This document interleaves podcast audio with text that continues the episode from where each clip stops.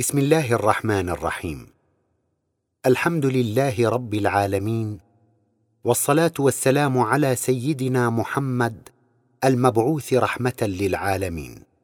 أما بعد لا زلنا نتحدث في تأويل الآيات الكريمة من مطلع سورة البقرة.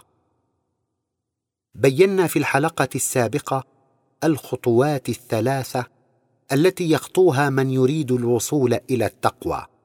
ونذكر بهذه الخطوات فنقول وبالله المستعان.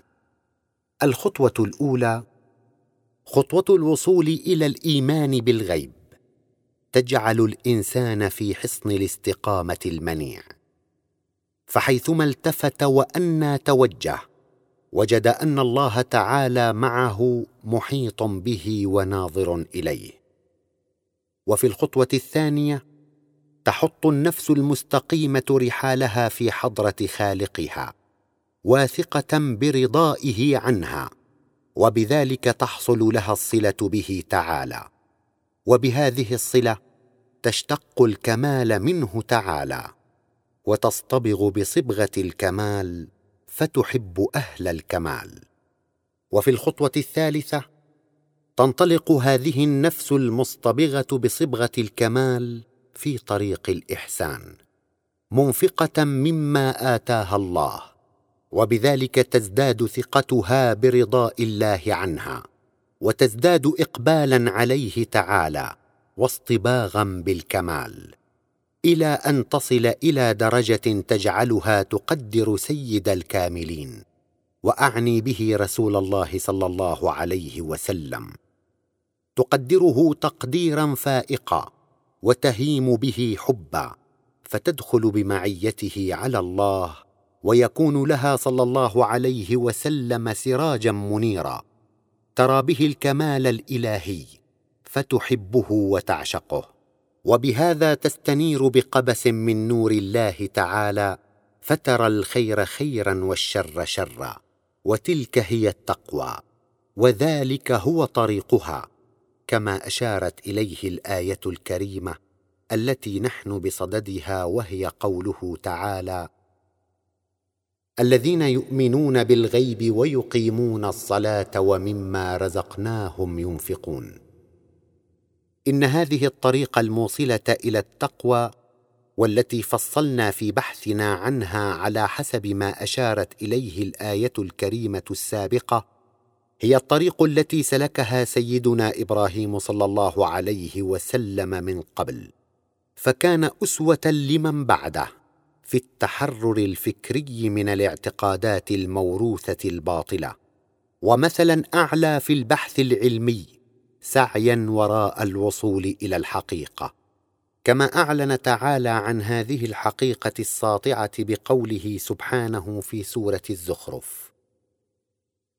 وكذلك ما أرسلنا من قبلك في قرية من نذير إلا قال مترفوها إنا وجدنا آباءنا على أمة وإنا على آثارهم مقتدون. قال أولو جئتكم بأهدى مما وجدتم عليه آباءكم؟ قالوا إنا بما أرسلتم به كافرون. فانتقمنا منهم. فانظر كيف كان عاقبة المكذبين.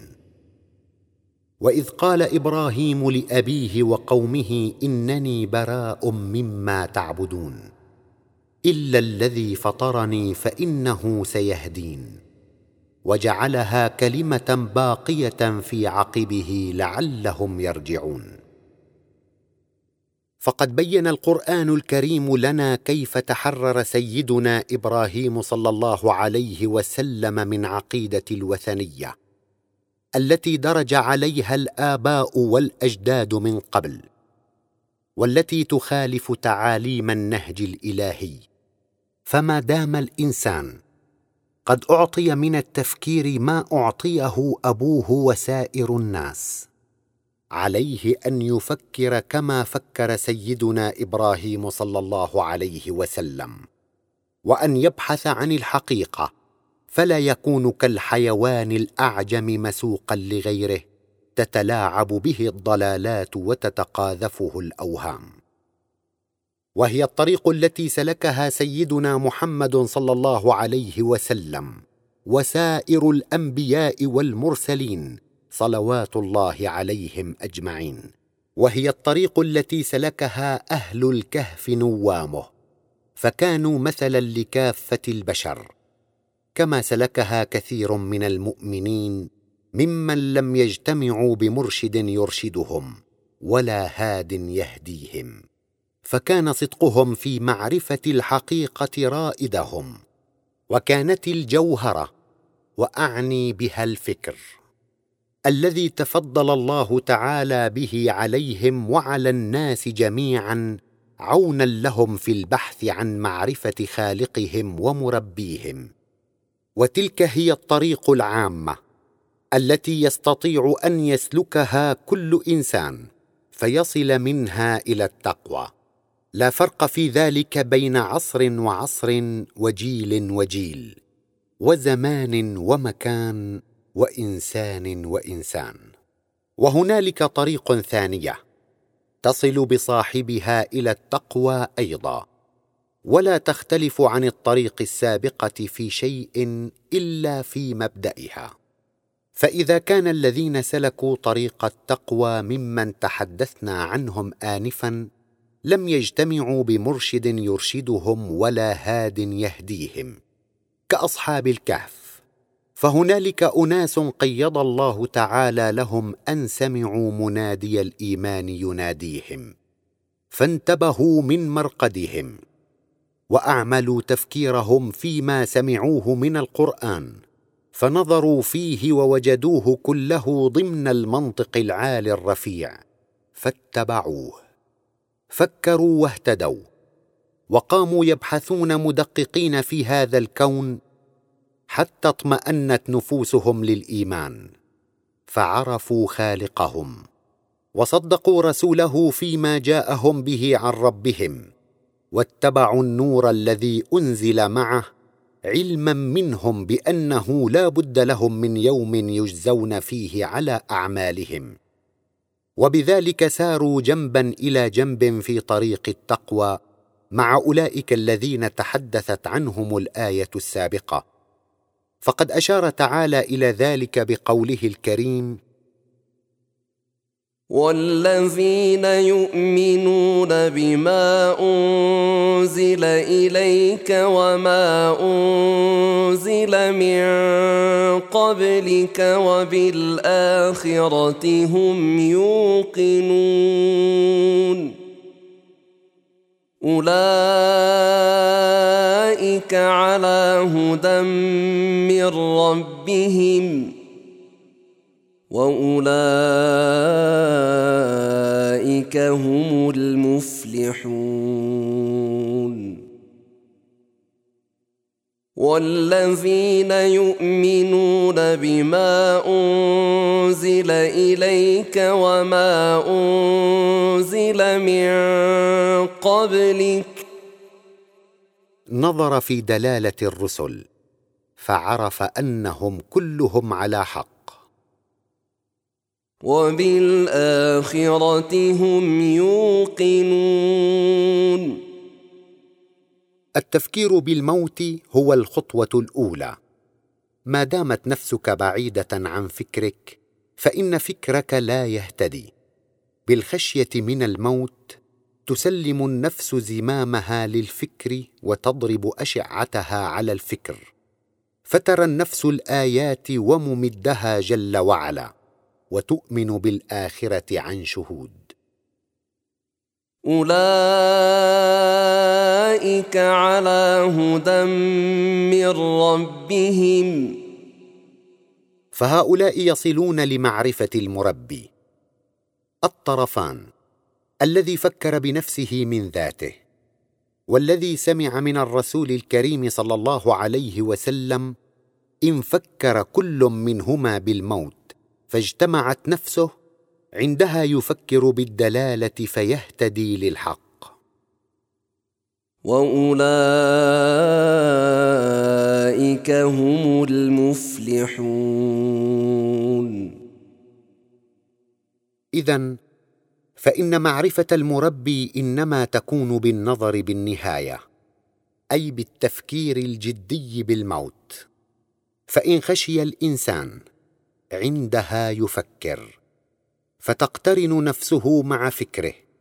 عندها يعرف المربي وينال الخيرات.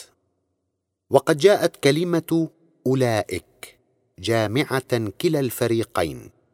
إذ لا فرق بين امرئ فكر بذاته وبحث حتى توصل إلى الحقيقة وآخر ذكره مذكر وأيقظه موقظ فثاب إلى رشده وما زال جادا في بحثه حتى وصل إلى ما وصل إليه الأول فهما فيما وصلا إليه سواء وكلاهما على هدى من الله وأولئك هم المفلحون.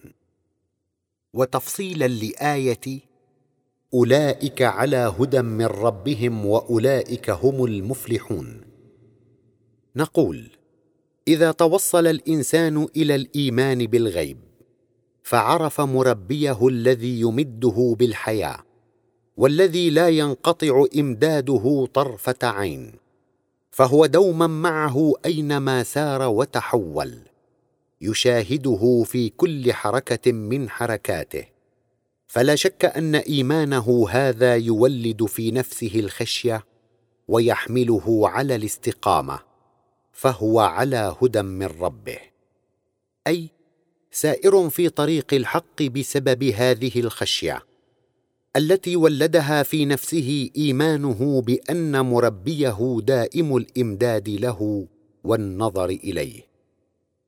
ذلك بعض ما نفهمه من كلمة أولئك على هدى من ربهم. وسواء في ذلك الذين سلكوا طريق الإيمان بذاتهم والذين سمعوا منادي الإيمان فاستجابوا لندائه وآمنوا بربهم. فكل من آمن حقا بمربيه فلا شك أن إيمانه يجعله يسير في طريق الحق لا يخرج عنه ولا يحيد. وتوضيحا لكلمة وأولئك هم المفلحون نقول كلمة المفلحون مأخوذة من فعل أفلح. تقول أفلح فلان. أي أصبحت نفسه طيبة مهيئة لفعل الخير ومنه كلمة فلاح. تقول فلح المزارع الأرض. أي حرثها وعرض تربتها للشمس والهواء وقد أضحت صالحة وأهلا لأن تنبت فيها المزروعات.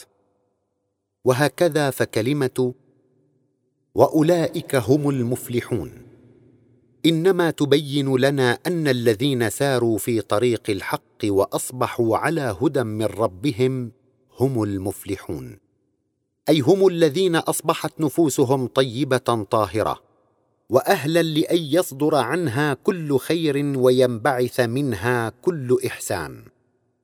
إذ باستقامتهم على أمر ربهم تتولد في نفوسهم الثقة بأن الله تعالى راض عنهم وهنالك يقبلون على خالقهم وبهذا الإقبال تطهر نفوسهم مما بها من أدران وتغدو طيبة صالحة لكل خير وأهلا لأن يصدر عنها كل معروف وإحسان.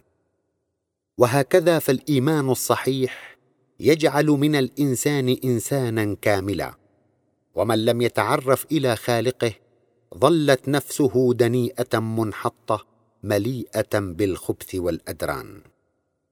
قال تعالى في سورة البينة إن الذين كفروا من أهل الكتاب والمشركين في نار جهنم خالدين فيها. أولئك هم شر البرية. إن الذين آمنوا وعملوا الصالحات أولئك هم خير البرية. ننتقل الآن بعد أن بينا معنى الإيمان والطريق الموصلة إليه. إلى شرح الآيتين التاليتين اللتين وصف تعالى بهما أحوال الكافرين. قال تعالى إن الذين كفروا سواء عليهم أأنذرتهم أم لم تنذرهم لا يؤمنون. فنقول ليست كلمة الذين كفروا تعني الذين أنكروا وجود الخالق. فقد يقر الشخص بوجود الخالق ويعترف به أو يخاطبه في نفسه طالبا منه بعض المطالب ومع ذلك يكون متلبسا بالكفر منغمسا فيه. فهذا إبليس اللعين لم ينكر وجود خالقه. ولم ينكر التربية ولا الوحدانية وهو مع هذا كله أول الكافرين. وقد أشارت الآيات الكريمة إلى اعتراف إبليس بخالقه في قوله تعالى في سورة الأعراف. ولقد خلقناكم ثم صورناكم ثم قلنا ثم قلنا للملائكة اسجدوا لآدم فسجدوا إلا إبليس لم يكن من الساجدين قال ما منعك ألا تسجد إذ أمرتك قال أنا خير منه قال أنا خير منه خلقتني من نار وخلقته من طين. كما أشارت الآية الكريمة في سورة صاد إلى اعتراف إبليس بوحدانية خالقه. قال فبعزتك لأغوينهم أجمعين إلا عبادك منهم المخلصين.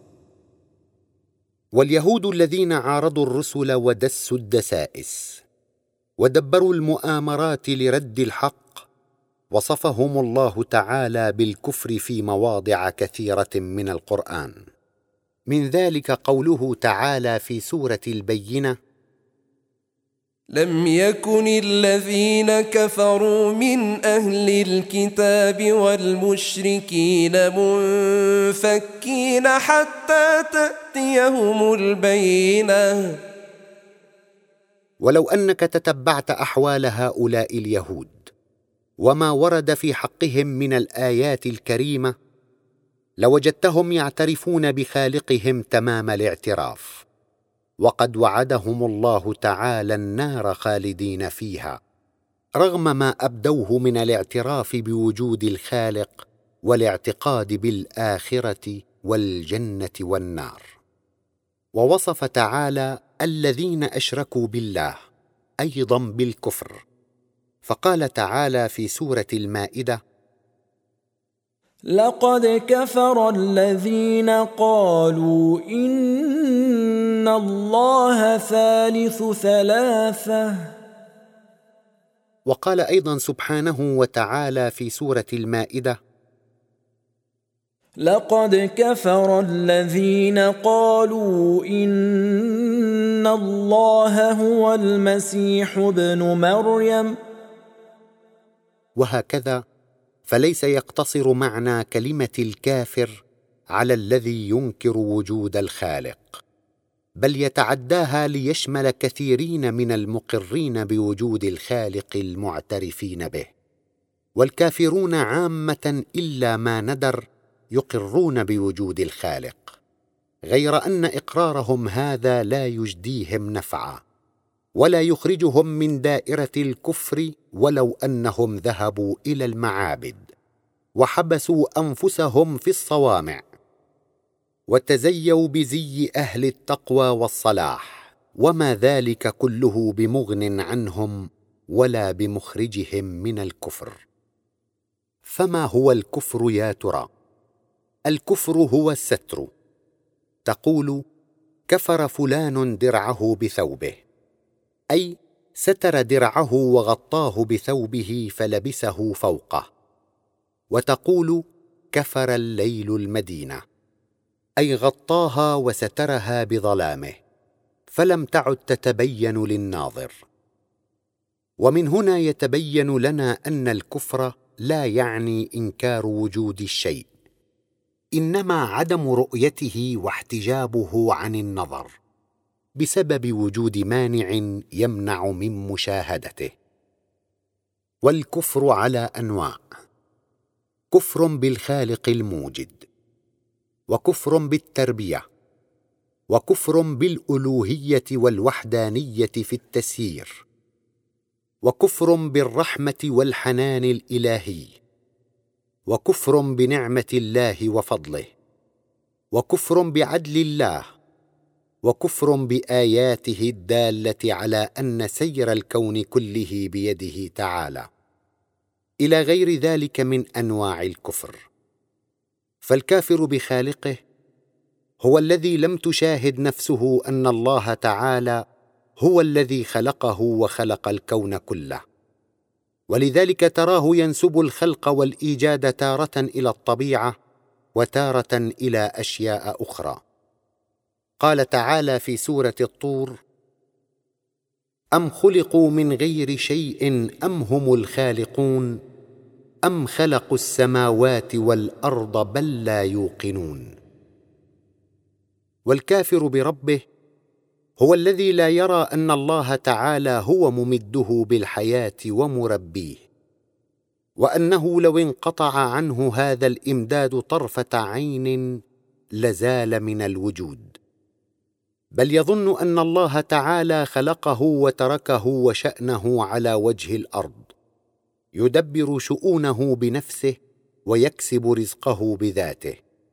ولذلك تراه يغش ويكذب ويتلاعب في بيعه ومعاملاته سعيا وراء كسب القوت وظنا منه انما يرزق نفسه بسعيه وجده.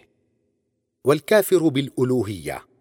هو الذي لا يرى التسيير الإلهي لهذا الكون بل ينسب الحوادث الكونية إلى الطبيعة أو يعللها ببعض التعاليل السخيفة وهو لا يرى العدالة الإلهية تدير الخلق وتهيمن على الناس بل يرى أن فلانا تجاوز على فلان وبغى عليه وهو يتذمر من زيد ويشكو عمرا.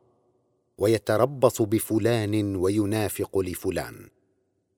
ولو أنه آمن بلا إله إلا الله وعلم أن السير كله بيد الله لوجد أن الكون كله إنما تسيره يد العدالة الإلهية. وأن كل واحد إنما ينال حقه ويجزى على عمله. وما الناس كلهم إلا صور ووسائط ولا يقع في هذا الكون واقع إلا بأمر الله ومن بعد إذنه. وفي الحديث الشريف من وصية الرسول صلى الله عليه وسلم لابن عمه عبد الله بن عباس رضي الله عنهما. واعلم أن الأمة لو اجتمعت على أن ينفعوك بشيء لم ينفعوك إلا بشيء قد كتبه الله لك. وإن اجتمعوا على أن يضروك بشيء لم يضروك إلا بشيء قد كتبه الله عليك. وفي حديث آخر إن لكل شيء حقيقة وما بلغ عبد حقيقة الإيمان حتى يعلم أن ما أصابه لم يكن ليخطئه وما أخطأه لم يكن ليصيبه. قال تعالى في سورة آل عمران وما أصابكم يوم التقى الجمعان فبإذن الله وليعلم المؤمنين. وقال أيضا سبحانه وتعالى في سورة فاطر ما يفتح الله للناس من رحمة فلا ممسك لها وما يمسك فلا مرسل له من بعده وهو العزيز الحكيم. أما الكافر بالرحمن فهو الذي احتجبت نفسه عن رؤية الرحمة الإلهية التي شملت الخلق عامة فهو لا يرى أن الله تعالى رحيم به. لذلك تجده يتألم لأبسط الحوادث التي تحل به وينسب الظلم إلى الله. ولو أنه آمن برحمة الله لاستسلم إليه في كل ما يصيبه. ولعرف أنه كله من الله تعالى فضل وعناية ولحمد الله تعالى على كل حال من أحواله. وفي الأثر أن رسول الله صلى الله عليه وسلم كان إذا جاءت الأمور وفق رغبته قال الحمد لله الذي بنعمته تتم الصالحات. وإذا جاءت بخلاف رغبته قال الحمد لله على كل حال. انتهى لقاؤنا معكم اليوم. ونتابع تأويلنا في الحلقة المقبلة. نستودعكم الله. والسلام عليكم ورحمة الله وبركاته.